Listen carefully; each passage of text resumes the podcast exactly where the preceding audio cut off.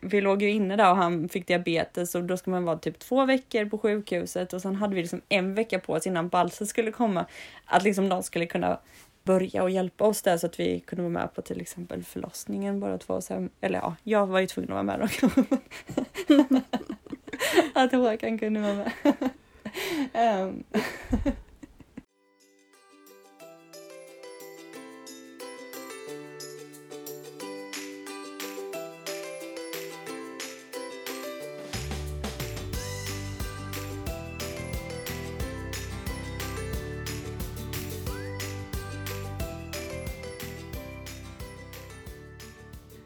Du lyssnar på Nordlyckans podd avsnitt 46.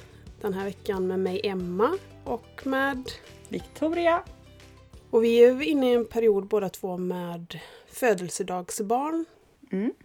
När är det Konrad fyller? Konrad fyller den 5 maj och jag såg att Vide fyllde, vad det igår? I förrgår, i fredags fyllde han. Ah. Han fyller den 23 april.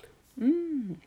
Vi har många födelsedagar just. eh, Tuva fyller ju i januari men annars så fyller tre av oss fyller i april och Alve fyller 2 maj. Så det är många födelsedagar nu på en gång. Ja, men vi har också så. Håkan fyllde nu år i mitten av april och jag fyller den 3 maj, bara två dagar innan Konrad.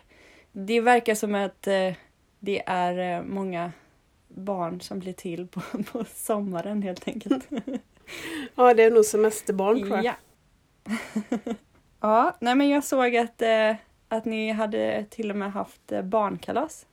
Ja, och för de som blir lite upprörda över det så är det vi hade haft barnkalas för samma kompisar som är på gympan. Så det är barn som han ändå träffar en gång i veckan. Så vi tänkte att Ja. då kan vi köra ett kalas med dem. ja, ni var ju inte många såg det ut som på bilden heller. Utan, Nej, han fick bjuda fyra kompisar. Ja. Han, det jag upplever att det är första året som han förstår det här med födelsedag och vi har gjort en sån här nedräkning på hans talapparat att han varit inne och tryckt på den och talat om att på fredag fyller jag år, på lördag ska jag kalas. mm, Så det känns som han har sett fram emot det. mm. Och de här dagarna nu, ja, både på sin födelsedag och kalaset, så han, alltså han kan ju vara ganska innesluten men ibland är det som att han får något eh, hyperfokus, att hans fönster öppnas lite mer. Så Det känns som att han har varit så de här dagarna. Sen tar det mycket energi så att då kanske veckan blir lite lägre tempo men Ja. det har varit väldigt, två väldigt lyckade dagar. ja, vad roligt. Och vad presenterna uppskattade. Ja, det är ju svårt Mm. att köpa presenter till ett barn som inte kan tala om vad han önskar sig. Mm.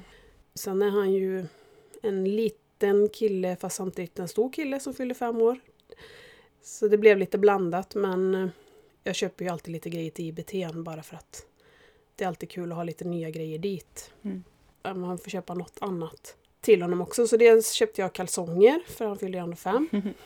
Det var roligt när han fick dem för att då kastade han iväg dem. Jag tror att han förstod nog vad det var och tänkte kanske att om det skulle bli något krav i samband med Ah. det. För han vet ju att lilla syster toatränar och ska bli blyfri så jag vet inte hur mycket han kopplade ihop det med det men sen har han varit så stolt när han har fått på sig dem. Så.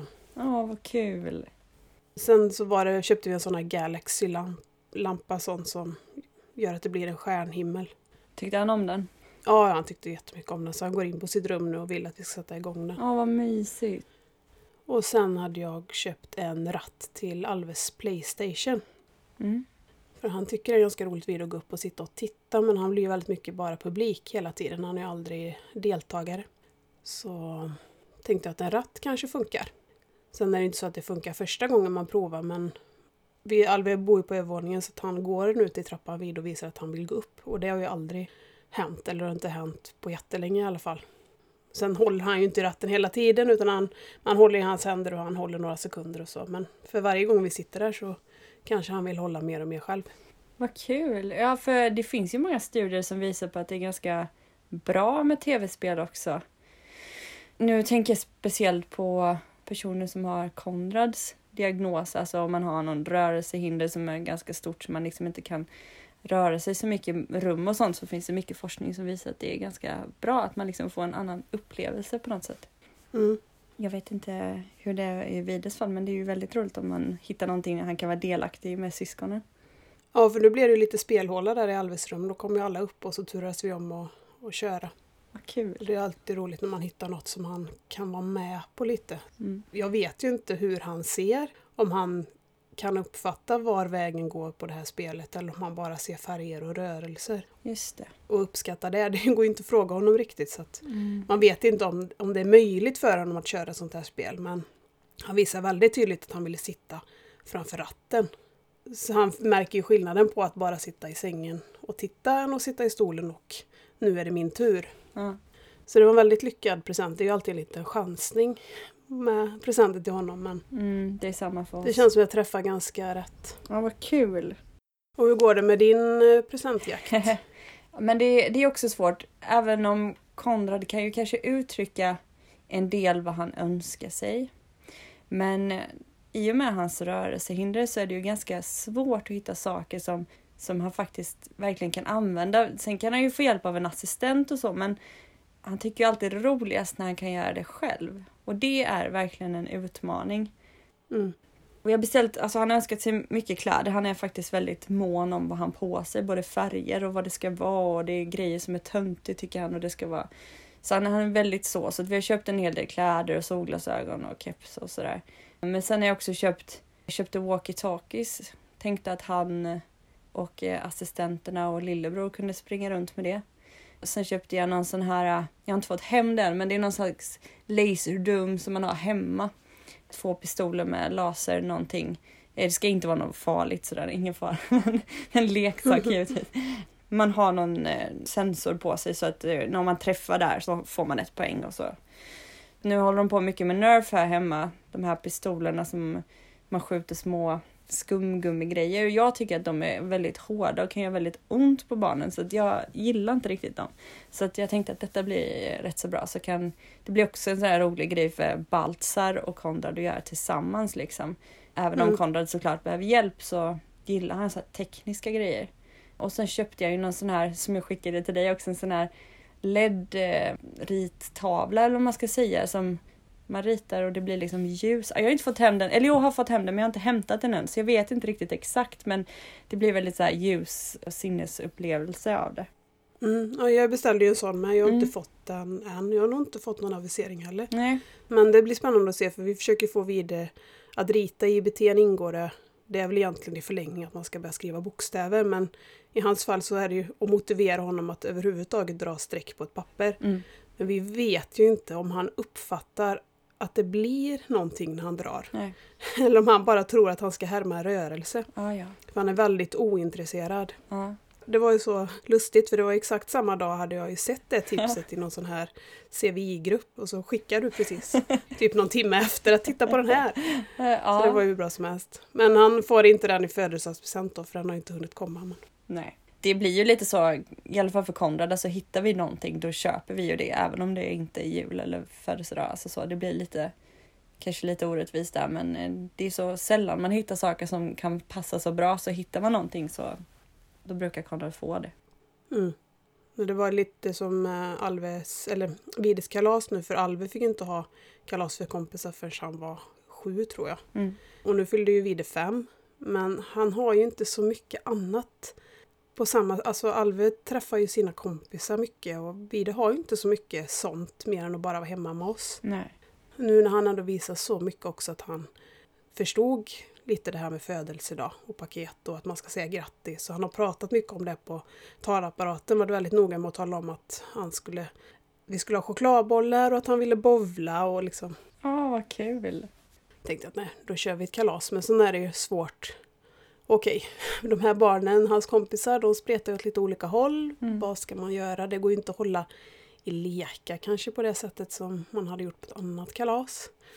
Men så var det Eva som jag samarbetade med på TFH Sensory som skickade typ förra veckan att har du koll på att det finns ett ställe i Borås som heter Sinnesro som har sinnesrum som de har tänkt att öppna upp för allmänheten.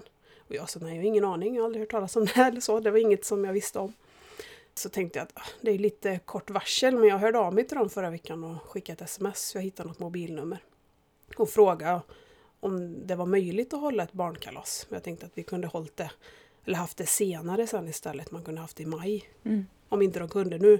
Men de var så pepp så de ringde upp mig efter en timme och sa att ja, men vi kan boka, kan du på lördag? Ja, vad Så roligt. Eldsjälar. Precis som Eva. Ja, Fantastisk. ja, det var en väldigt bra match. Hon har gjort inrett ett av deras rum. Då. Eller hennes produkter fanns i flera rum men det var speciellt ett rum Mm. som var all, bara hennes produkter i. Mm. Så det var så roligt och de, de blev nog väldigt peppade av att det var barn där för de sa att de inte haft barn i de lokalerna tidigare. Utan som jag förstod det har det varit en grupp på dagliga verksamheten som har tillhört dem. Okej. De har inte fått vara öppet så mycket nu men just nu har de ingen grupp som tillhör de här lokalerna. Så de började så här spåna att tänk, man kanske skulle kunna öppna förskola eller... För de hade ju inte provat med barn i lokalerna så att nu fick de ju se om det... Det är ju inte tänkt för barn men det passar ju barn. Ja. ja, vad kul. Nej, det såg jättefint ut. Du hade tagit så himla fina bilder också. Ja, jag tycker det är roligt att fota i, när man är i nya miljöer. Så, Ja, du är väldigt duktig på det, tycker jag. Det blir väldigt eh, fint och det fångar alltid liksom stunden.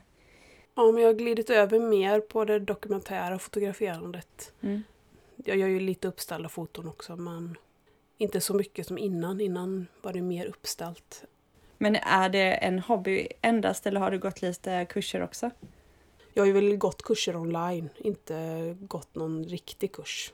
Alltså jag har ju ingen utbildning i fotografering, men det låter alltid så här om man säger att man är självlärd, för det är man ju inte riktigt. För man, jag har ju kollat på olika typer av videos och sådär. Mm. på vissa saker. Särskilt på redigering. Alltså rent tekniskt behöver man förstå kameran men sen så måste man kanske ändå ha en viss visst bildsinne. Man kan inte riktigt lära sig det. Nej, nej, absolut. Det är ju konst, tänker jag. Men eh, ändå, Mm. vissa saker kanske man ändå liksom behöver läsa sig till eller lära sig till. Ja.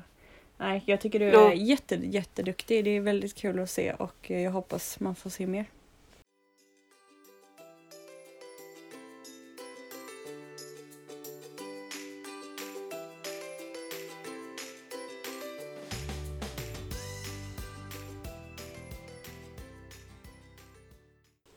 Jag funderar på hur många sinnesrum de hade. De hade ett, jag vet inte vad de kallar dem, men som jag tänker att det var vita rummet. Mm. Som var väldigt intrycks... Lite intryck. Det känns som ett rum där man kanske, om man har barn som behöver varva ner. Så det fanns en sån här säng som vibrerar till musik. Ja, det är häftigt. Ja, de sa det också att det räcker att man är i ett rum när man kommer och upplever allting i det. För att det var så mycket så att man hann inte vara i alla rum och man hann absolut inte uppleva allt i alla rum. Och sen var det ett grönt rum och där hade de byggt som en liten koja och det fanns en sån här fåtölj som är så att man kan känna som att man är omkramad. Som armar eller och så Ja, som man kunde lägga över sig. Mm. Som lite tung. Ja, typ på äldreboenden och sånt brukar man ha såna också. Mm. Och sen hade de en jättehäftig, den sa de var från TFO, det var som en stor tärning eller stor kloss med olika färger och så satt en ljusskena i taket. Så att om blått var uppåt så var ljusskenan blå. Om man vippade den här så att rött kom upp på kuben så ändrade sig ljusskenan till rött också. Jaha. Sen hade de ett som de kallar ka- för Karibien. Det var lite palmer på väggarna och så kunde man trycka på en tryckknapp på väggen och så kom det bubblor ur en sån här bubbelmaskin. Och där fanns det en studsmatta också. Man tänker ju ibland sinnesrum att det ska vara väldigt så här låg energi men för Ja. vi det behöver ju tvärtom motiveras till att göra saker. Men det var väldigt blandat. Och sen hade de, vad kallar de det, för en lövgunga. Tyngdpunkten var i änden om man tänker på skaftet på lövet. Okej. Så det blev en lite speciell känsla när man låg i den. Sen hade de ett rum med bollhav och det har de inte haft öppet nu då men de frågade om de skulle öppna upp det bara för oss. Och det ville vi ju gärna. Och så hade de lampor där inne också så att färgerna skiftade hela tiden. Det var vita bollar så att bollarna gav ju också olika färger. Och sen det rummet som Vide tyckte var allra häftigast var svarta rummet. Det var svart och så var det ett sånt här UV-ljus. Och så Ah. var det olika saker där inne då som reagerar på UV-ljuset och ett sånt här bubbelrör. Det både låter och visuellt kan man ju titta på det och sen ändrar det också färg. Så där vill han gärna stå där inne och titta och känna på det. Det låter ju helt fantastiskt. Så många rum. Ja, det var över all förväntan egentligen. Jag har ingen uppfattning. De frågade om jag ville komma dit och titta innan men jag sa att nej, det behövs inte utan vi kommer och tar det som det är. Så hade vi med oss eget fika. Eller vi bjöd på pannkakor och korv med bröd och glassen. Perfekt. Så smidigt också när man inte har det hemma. Även om vi fick fixa fikat så var det ju väldigt lite jobb för oss. Det var bara att komma dit och duka fram och sen typ ta med skräpet ut. Det låter helt perfekt. Nej men uh, vad fint. Mina erfarenheter av sinnesrum är nog som finns på barnsjukhus till exempel. Drottning Silvias barnsjukhus. Då är det rummet nog ganska identiskt med det vita rummet du beskriver. Mm. På lekterapin då. Men jag vet inte hur det är på det nya för de har ju byggt precis ett nytt sjukhus bredvid där. Så jag vet inte hur det är där. Men det låter ju väldigt fint med att det finns så mycket olika. För till exempel Konrad är inte så imponerad av det här som är lugnt. Utan han vill att det ska hända lite saker. Så att det kanske hade varit någonting för honom också. Alve och eh, Tuva var ju med och sen var det en av barnen som hade med sig sitt syskon. Alla barn tyckte det var roligt. Mm. Det var inte så att de tyckte åh vad tråkigt, när kan vi åka hem? Utan de lekte ju lika mycket som alla andra. Ja, det var riktigt lyckat och alla barnen höll ihop så fint också. För det är ju barn som kanske inte orkar så långa stunder egentligen. Och vi var ju där i två timmar, det är ganska länge. Mm.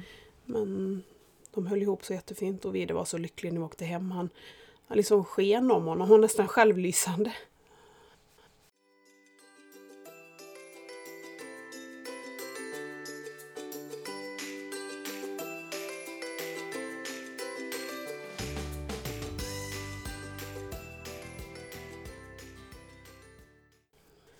Ja, det varit tre intensiva dagar för honom för vi bowlade på hans födelsedag också. För det hade han ju önskat. Mm. Och sen så var det kalas igår och sen har han haft gympa idag. Så att eh, vi får se hur mycket energi han har när han ska till förskolan imorgon. Ja, det är klart. Men brukar hans sömn påverkas av att det är mycket som händer? Han hade svårt att somna inför födelsedagen men sen har han sovit ganska bra. Det är nästan så att han sover lite bättre om han har haft mycket. Mm. Faktiskt. Om jag nu kan se något sånt mönster. Det är inte riktigt alltid så tydligt heller. Nej, så är det ju. Men eh, nej, Konrad vill faktiskt inte ha... Vi frågade om han ville ha något barnkalas. Tänkte att han kanske kunde bjuda några på förskolan. Men eh, han ville inte det. Nej. Nej, jag vet faktiskt inte riktigt varför. Jag tror inte det har varit så jättemycket kalas. I alla fall har han inte blivit bjuden på något på länge, men jag tror inte det har varit så jättemycket kalas. Och det är klart, det har nog varit lite så här på hans förskola, eller det är väl kanske lite så att man får nästan bjuda alla om man är liksom på en avdelning eller så. Jag vet inte. Han vill i alla fall inte ha det, så det blir bara... Nej, nej, man vill inte tvinga honom till det. Nej, exakt. Han hade ett för två år sedan, riktig temakalas. Jag gick all in på skogstema liksom för att det var det han ville ha. Så det, han kanske tyckte det blev för mycket. Men han ska faktiskt ha ett litet kalas för bara sina kusiner. Det blir bara tre stycken, nej fyra, förlåt, fyra. Och då har han valt diskotema, vill han ha. Men så har vi gjort innan också. Att vi har haft lite lekar på det vanliga kalaset för släkten. Mm. Men Alve vill eh, spela Laserdum i år. Ja. Men då får han, de är så himla många i hans klass så han får inte bjuda alla killarna där. Nej. Det blir ju tokdyrt om man ska bjuda 15 pers på sånt kalas. Så det får han inte utan han får, jag vet inte hur många vi kom fram till. Om det blev sex han fick bjuda eller något sånt. Jo, det är klart. Det får inte bli att det bara är tre, fyra stycken som inte är bjudna och så resten är bjudna utan då får det ju verkligen vara att Mm. okej, hälften fick komma, hälften fick inte komma. Ja, men exakt. Man behöver absolut inte bjuda alla, men det är som du säger, då får man kanske bjuda så att det inte blir att det är bara några få som inte får komma. Jag vet att jag fick Nej. kritik då när Konrad hade kalas för två år sedan. Jag var väl så här öppen på sociala medier då med och då fick jag väldigt mycket kritik. Att, Åh, bjuder du inte hela avdelningen? Jag skulle aldrig bjuda på kalas om jag inte bjöd hela avdelningen. Men liksom på hans avdelning, jag kommer inte ihåg hur många det var då, men 20-30 barn liksom, det fanns ju inte utan han fick bjuda fyra eller fem tror jag. Man tycker lite olika.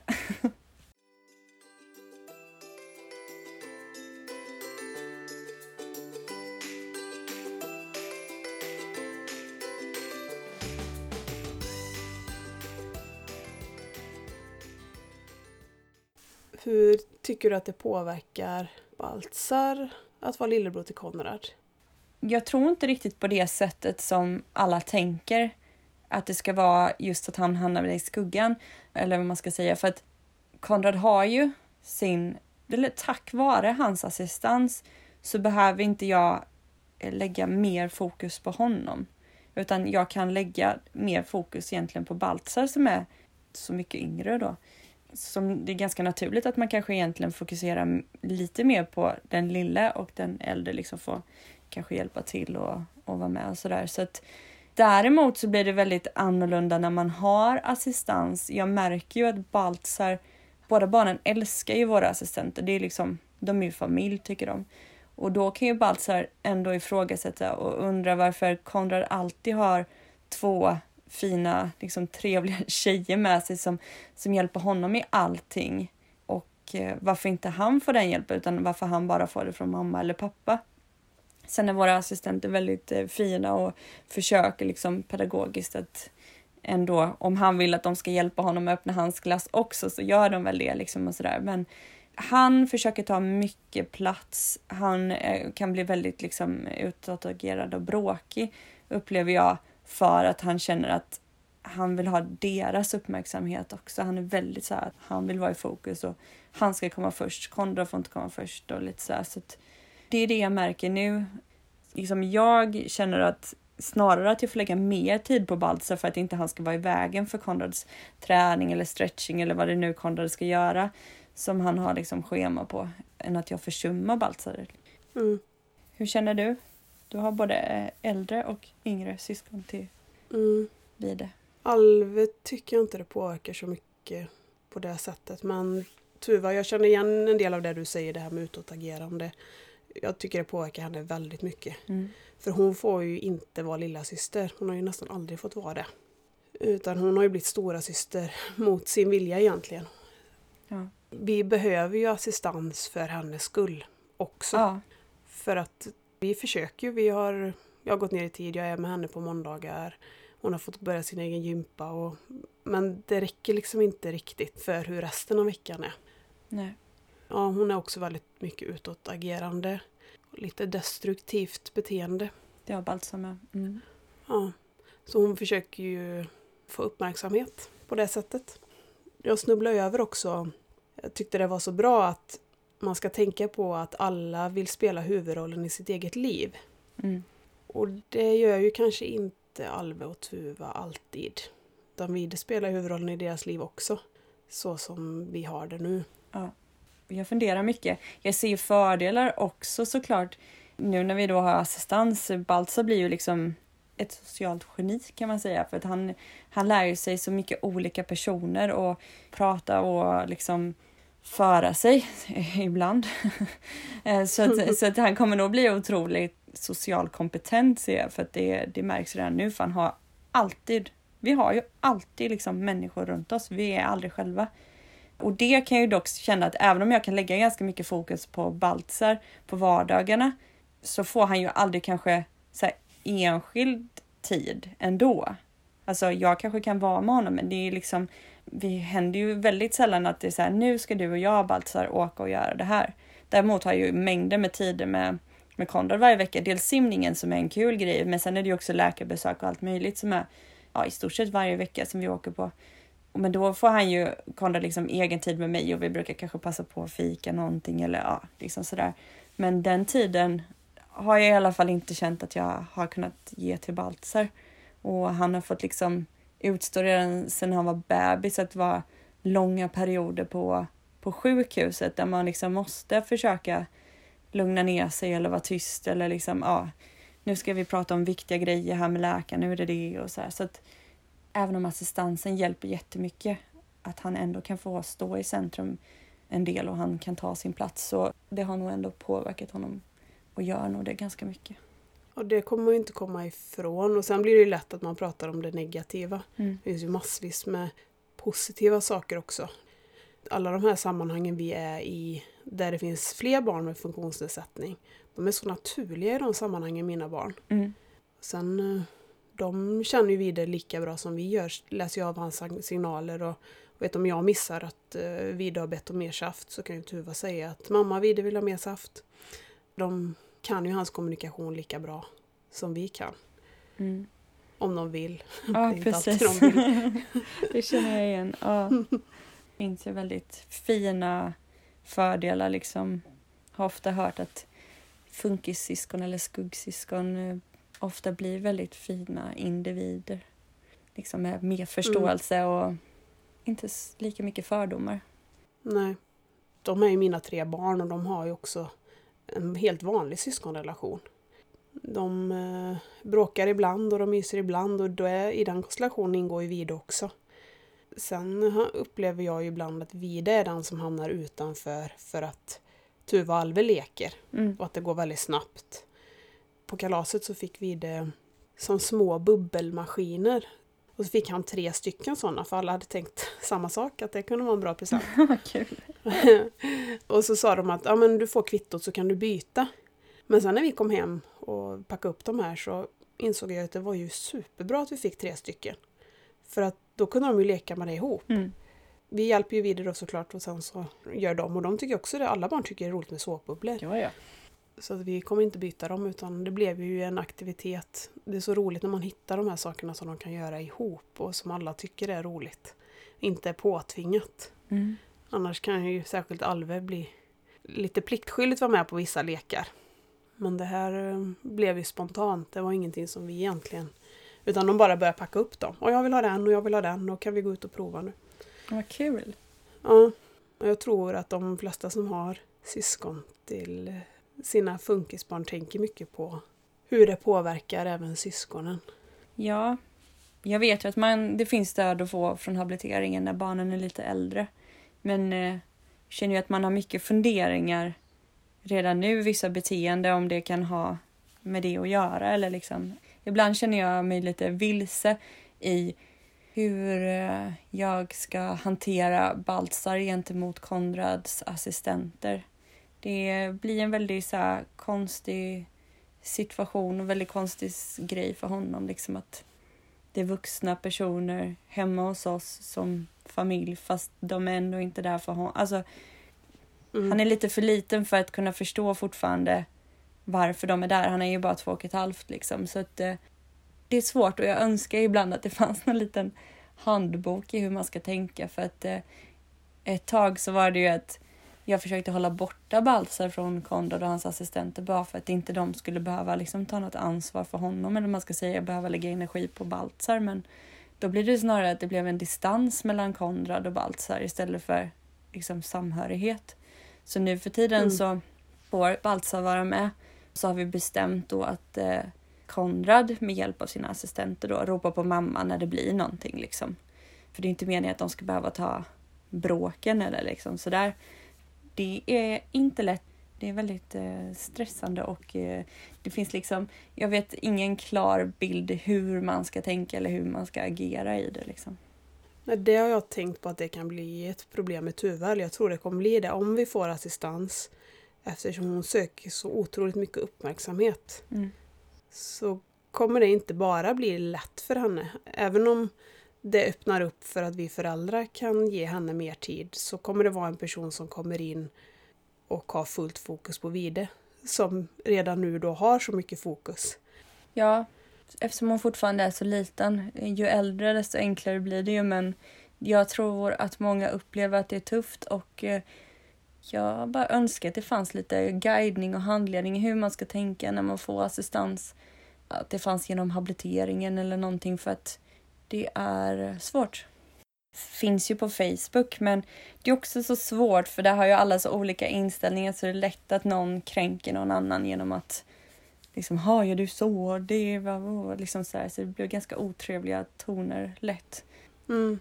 Man får ju ha förståelse för att allting handlar om familjen, ålder på barnen, vilka barn man har och så vidare. Liksom det är, vi har en balans nu, men jag vet inte om det är den rätta. Liksom det, är, det är jättesvårt.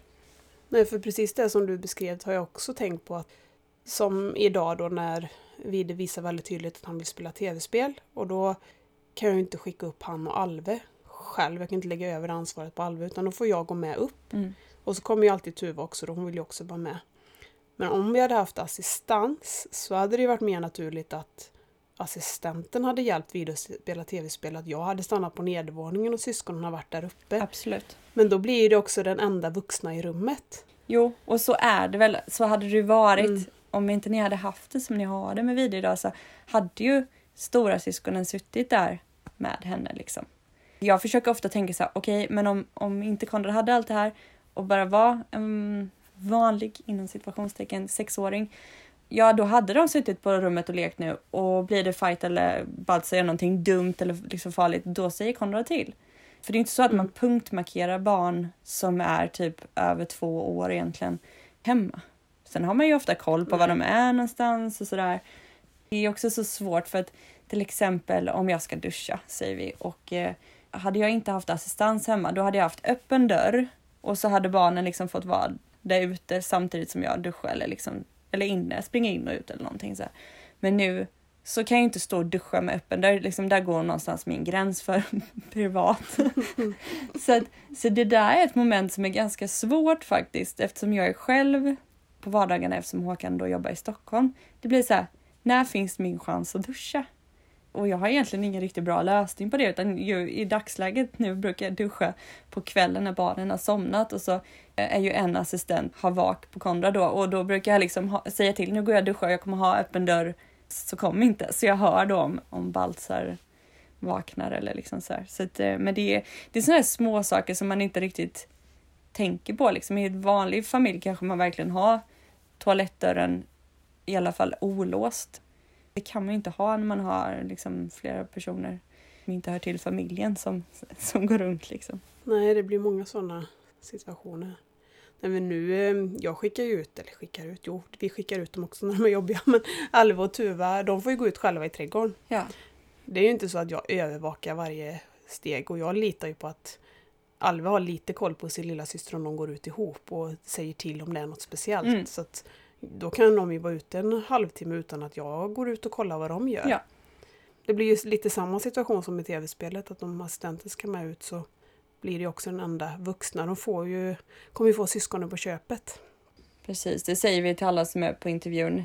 Baltzar inte är ett ansvar, men någonstans så är han med på köpet för att de älskar att leka med varandra och busa och allting. Så att på ett sätt är Baltzar en väldigt tillgång också för assistenterna för att han liksom på något vis kan hjälpa till att underhålla Konrad och sådär. Så det är han ju med. Men sen kan det vara svårt liksom om han vill, åh, jag vill sitta i den personens knä och liksom så här. Och då får man ju försöka liksom, jaha okej nu gick du in i den rollen, då går jag in i din roll och så, så alltså får man liksom försöka. Men det är svårt. Det är det faktiskt. Så att mm. eh, det är en av nackdelarna med assistans. Det är ingen tanke som någon annan familj behöver tänka på liksom. Det blir mycket extra tanke på det där. För det är ju inte som en gäst som kommer hem som kanske fördelar sin uppmärksamhet på barnen, att man är lite stund med varje. Nej. Det blir, nej, det blir väldigt speciellt. Ja. Som allting med assistansen så är det väldigt speciellt. Men det är det som är så viktigt också, att man hittar rätt personer. Vi har ett riktigt bra gäng nu. Vi ska precis få in två nya här, så det, det är alltid en jobbig period, även om de personerna säkerligen är bra. Det spelar nästan ingen roll för det är jättejobbigt. Helt plötsligt ska någon in i, liksom, i ditt hem, i din familj, i din situation, i din irritation, i din glädje. Alltså det, det är väldigt privat liksom någonstans och jag tycker att det är en väldigt jobbig period när man har eh, någon på upplärning. Mm. Så då får man se. Men vi har väldigt, väldigt bra assistenter som är liksom bra på de är jätteduktiga och liksom vet nu är det mamma-grej och nu, är det, nu hjälper jag Konrad att bråka och nu är det mamma-grej och nu hjälper jag Konrad att bråka. Liksom. Ja. Om man ska ha fler assistenter och så som ni har så har de ju säkert olika bra egenskaper. Att någon är riktigt duktig på detta och någon är riktigt duktig på någonting annat. Mm. Jag tror att det är positivt för honom att ha olika människor som gör på olika sätt. Ja, det tror jag med. Ja, men, ja så är det verkligen här. De är ganska olika men ändå har de vissa gemensamma saker som gör att vi har valt dem. Liksom. Mm. Ja, ja, det är ju den stora fördelen med assistans. Alltså, Konrad, men egentligen båda mina barn får så mycket kärlek. De får mer kärlek än, än andra skulle jag vilja säga, för, för det, det är så fint. Så när det blir jobbigt i huvudet av allting som är jobbigt liksom, så landar jag ändå tillbaka där någonstans. Att vi är också lyckligt lottade att ha så många som liksom verkligen tycker om att visa uppskattning för båda barnen. Mm.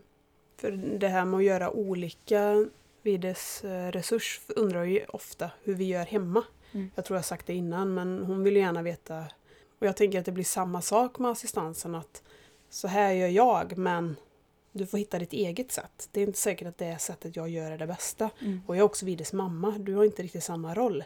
Nej. Så du kanske passar dig bättre att göra på något annat sätt och jag tror att det är bra att man gör på olika sätt för honom. Sen vissa saker kräver ju att det är en viss rutin och sådär men allting måste inte göras utifrån en mall heller. Det där tror jag är det vinnande konceptet för att liksom på något sätt också överleva att ha assistans.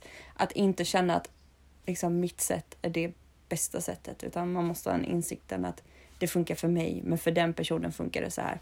Jag vet vissa funkisföräldrar som är väldigt så här, det ska göras så här, och det måste göras precis så för annars blir det liksom fel. Det beror på vad det är då men jag tror att man vinner så mycket på att släppa lite på den där känslan och liksom insikten att det finns andra som kan göra det lika bra fast på ett annat sätt.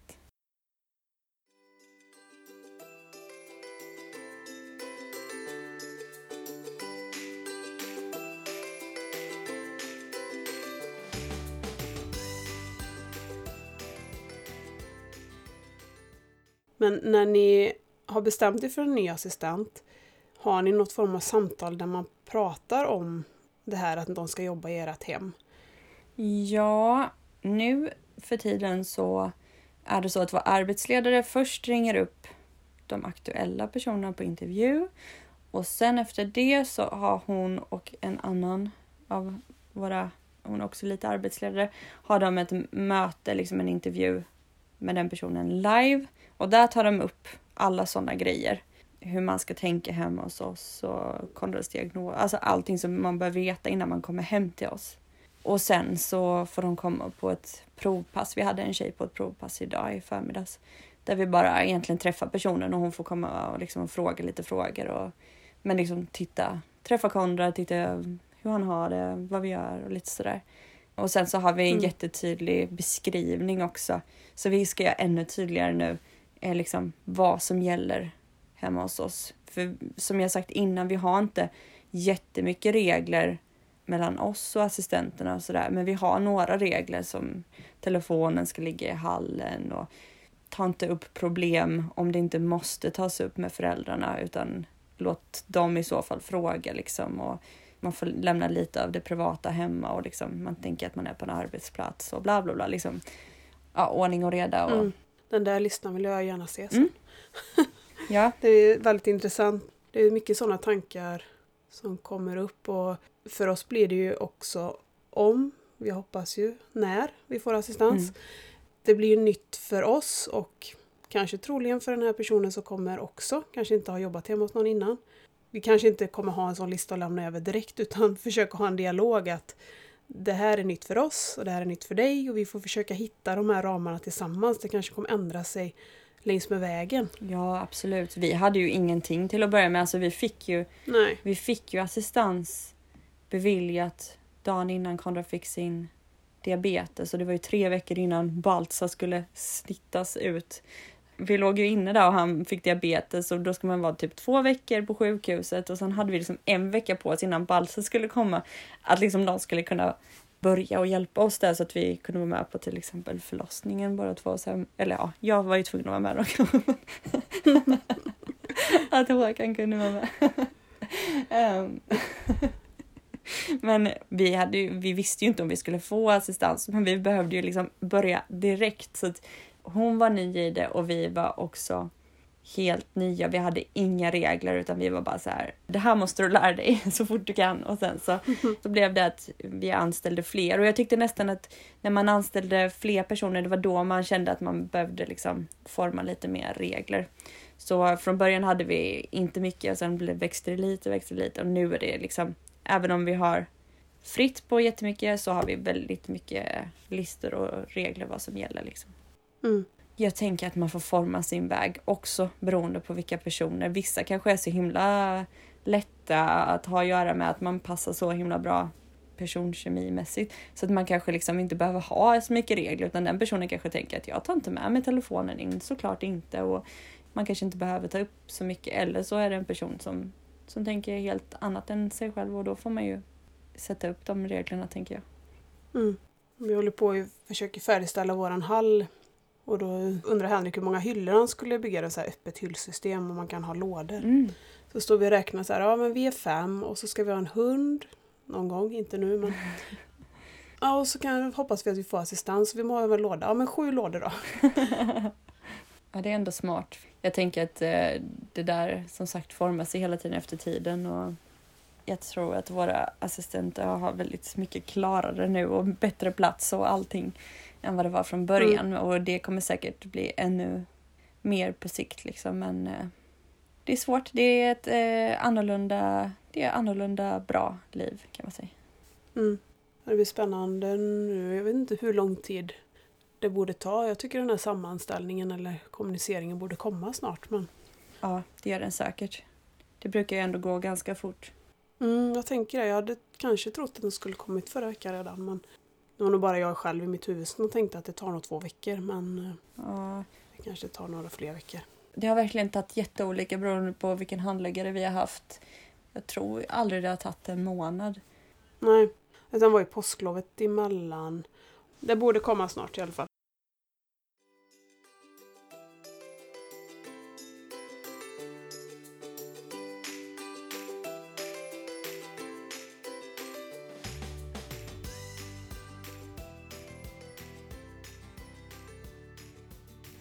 Jag hade kunnat prata med dig hur länge som helst men nu ska vi försöka avrunda. ja, visst, nu ska barnen ha kvällsmat och sen hopp i säng. Ja, tack så mycket för den här veckan då. Så hörs vi om två veckor igen. Det gör vi. Ha det så gott. Detsamma. Hejdå. Hejdå. Tack så mycket för att ni har lyssnat. Om ni vill komma i kontakt med Victoria så hittar ni henne på Instagram under namnet Kalasklister.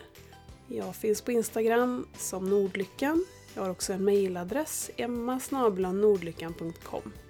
Om du vill stötta podden så kan du registrera dig på www.patreon.com nordlyckan. Där kan man välja att supporta podden från 10 kronor i månaden. Nästa måndag är jag tillbaka med en ny gäst. Till dess hoppas jag att ni får en fin vecka. Puss och kram!